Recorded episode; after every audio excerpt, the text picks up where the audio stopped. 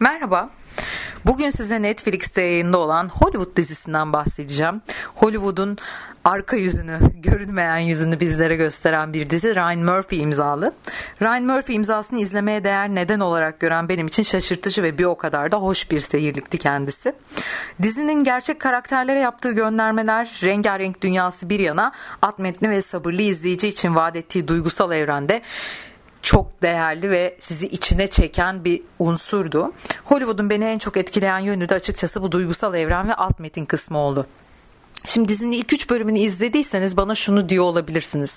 Ya ne duygusal evreni dizinin hepsi yatakta geçiyor zaten. Tamamen seks sahneleriyle dolu. Evet haklısınız ilk üç bölüm için dediğiniz doğru. İlk bakışta da oldukça karikatürize görünüyor zaten karakterler.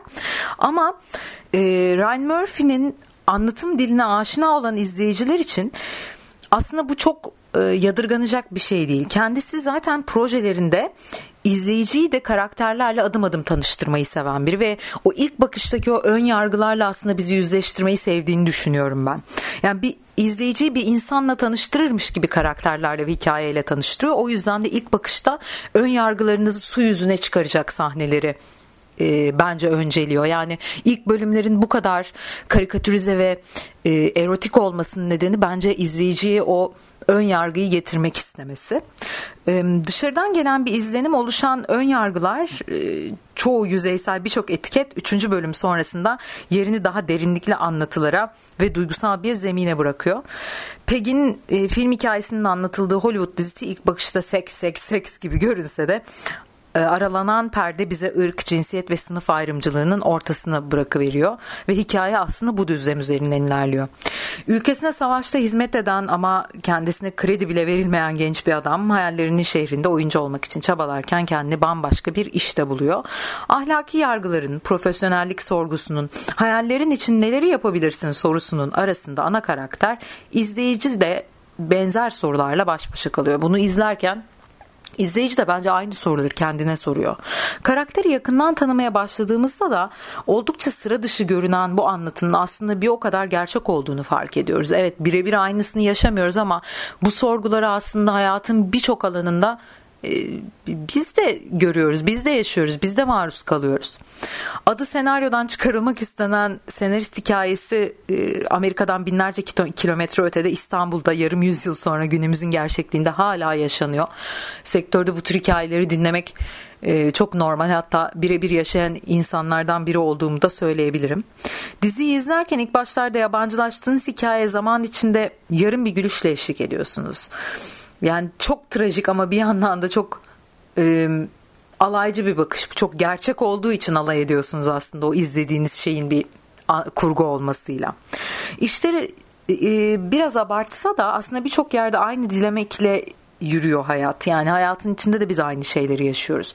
Kocasının metresiyle aynı masaya oturma, oturan kadının e, aldatıldığı kadını işten atacağını hanginiz beklemedi ki yani? Hepimiz o bize ezberletilen bütün dizilerde, filmlerde görülen o işte metresini kovar, işten atar, ona böyle davranır gibi ön yargılarla doluyuz. Bunlar da ön yargılarımız aslında ama yani spoiler vermemek için direnerek yazıyorum ama işte bu küçük detaylarda dizinin farkı ortaya çıkıyor zaten. Karakterler beklemediğiniz gibi davranıyor. Beklemediğiniz olgunlukta, beklemediğiniz davranışlarla geliyorlar ve aa o e, bizim stereotiplerimiz yıkılıyor bir yandan. Dizi bu anlamda da çok farklı bence. Karakterler gerçeklik diye böyle olmalı diye, diye diretilenle değil de kendi gerçekliğiyle olduğu gibi tam olması gerektiği gibi hareket ediyor ve aksiyon alıyor. E, alamayanlar düzenin başka türlü görünmesi için zorladıklarıysa dizi boyunca üzerlerindeki maskeyi yırtmak için çabalıyor. Zaten onu izliyorsunuz karakterlerde. E, hangisi gerçek hangisi rol e, o rolün içinden ne kadar çıkabiliyor oyuncu dizideki karakterler de oyuncu olduğu için o karakterler üzerinden söylüyorum. O oyuncu o maskeyi nasıl yırtabiliyor? Bunun savaşını veriyorlar. Dizi Hollywood rüyasının perde arkasını gösterdikten sonra izleyiciye de bir rönesans umudu getiriyor.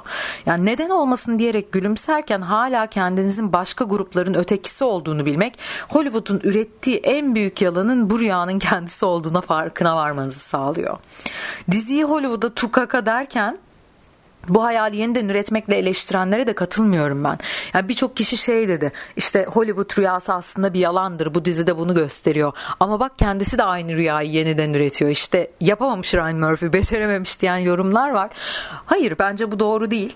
Çünkü e, dizi bozduğu ilizyonun yerine bir diğerini koyarak bence tam da yapması gerekeni yapıyor. Evet Hollywood rüyası bir ilizyon ve bunun yerine yeni bir ilizyon koyuyor. Zaten kurgu dediğimiz şey bu yaratılan evrenler zaten başka bir gerçeklik, başka bir ilizyon ve bu zaten yapması gereken bu, işin doğası bu eşyanın tabiatına aykırı öteki beklentiler.